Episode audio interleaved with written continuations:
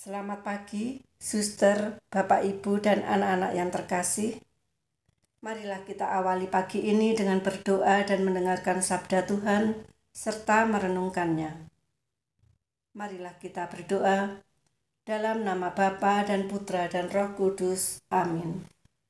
Allah Bapa di surga, pujian dan syukur patut kami sampaikan kepadamu karena kasihmu yang mengalir tiada henti terlebih nafas kehidupan dan rahmat kesehatan yang boleh kami nikmati hingga saat ini. Kini kami hendak mendengarkan sabdamu, bukalah mata hati kami, telinga kami, agar kami mampu mendengarkan dan merenungkannya. Amin. Inilah Injil Yesus Kristus menurut Lukas. Dimuliakanlah Tuhan. Sekali peristiwa, Datanglah Yesus di Nazaret, tempat ia dibesarkan. Seperti biasa, pada hari Sabat ia masuk ke rumah ibadat. Yesus berdiri hendak membacakan kitab suci. Maka diberikan kepadanya kitab Nabi Yesaya. Yesus membuka kitab itu dan menemukan ayat-ayat berikut. Roh Tuhan ada padaku, sebab aku diurapinya untuk menyampaikan kabar baik kepada orang-orang miskin. Dan aku diutusnya memberitakan pembebasan kepada orang-orang tawanan, penglihatan kepada orang-orang buta, serta membebaskan orang-orang yang tertindas. Aku diutusnya memberitakan bahwa tahun rahmat Tuhan telah datang. Kemudian Yesus menutup kitab itu dan mengembalikannya kepada pejabat. Lalu ia duduk, dan mata semua orang dalam rumah ibadat itu tertuju kepadanya. Kemudian Yesus mulai mengajar mereka, katanya, "Pada hari ini genaplah ayat-ayat kitab suci itu pada saat kalian mendengarnya." Semua orang membenarkan Yesus. Mereka heran akan kata-kata indah yang diucapkannya. Lalu mereka berkata, Bukankah dia anak Yusuf? Yesus berkata, Tentulah kalian akan mengatakan pepatah ini kepadaku. Hei tabib, sembuhkanlah dirimu sendiri. Perbuatlah di sini, di tempat asalmu ini, segala yang kami dengar telah terjadi di Kapernaum. Yesus berkata lagi, Aku berkata kepadamu, sungguh tiada nabi yang dihargai di tempat asalnya. Aku berkata kepadamu, dan kataku ini benar.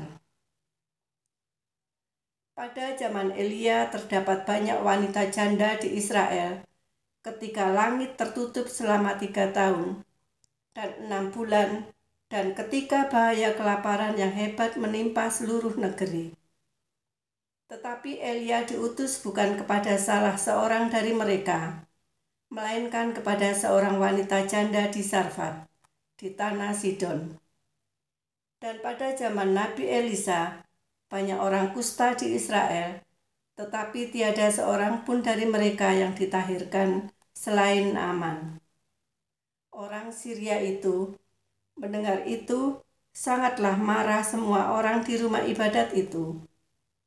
Mereka bangkit, lalu menghalau Yesus keluar kota dan membawa dia ke tebing gunung tempat kota itu terletak untuk melemparkan dia dari tebing itu.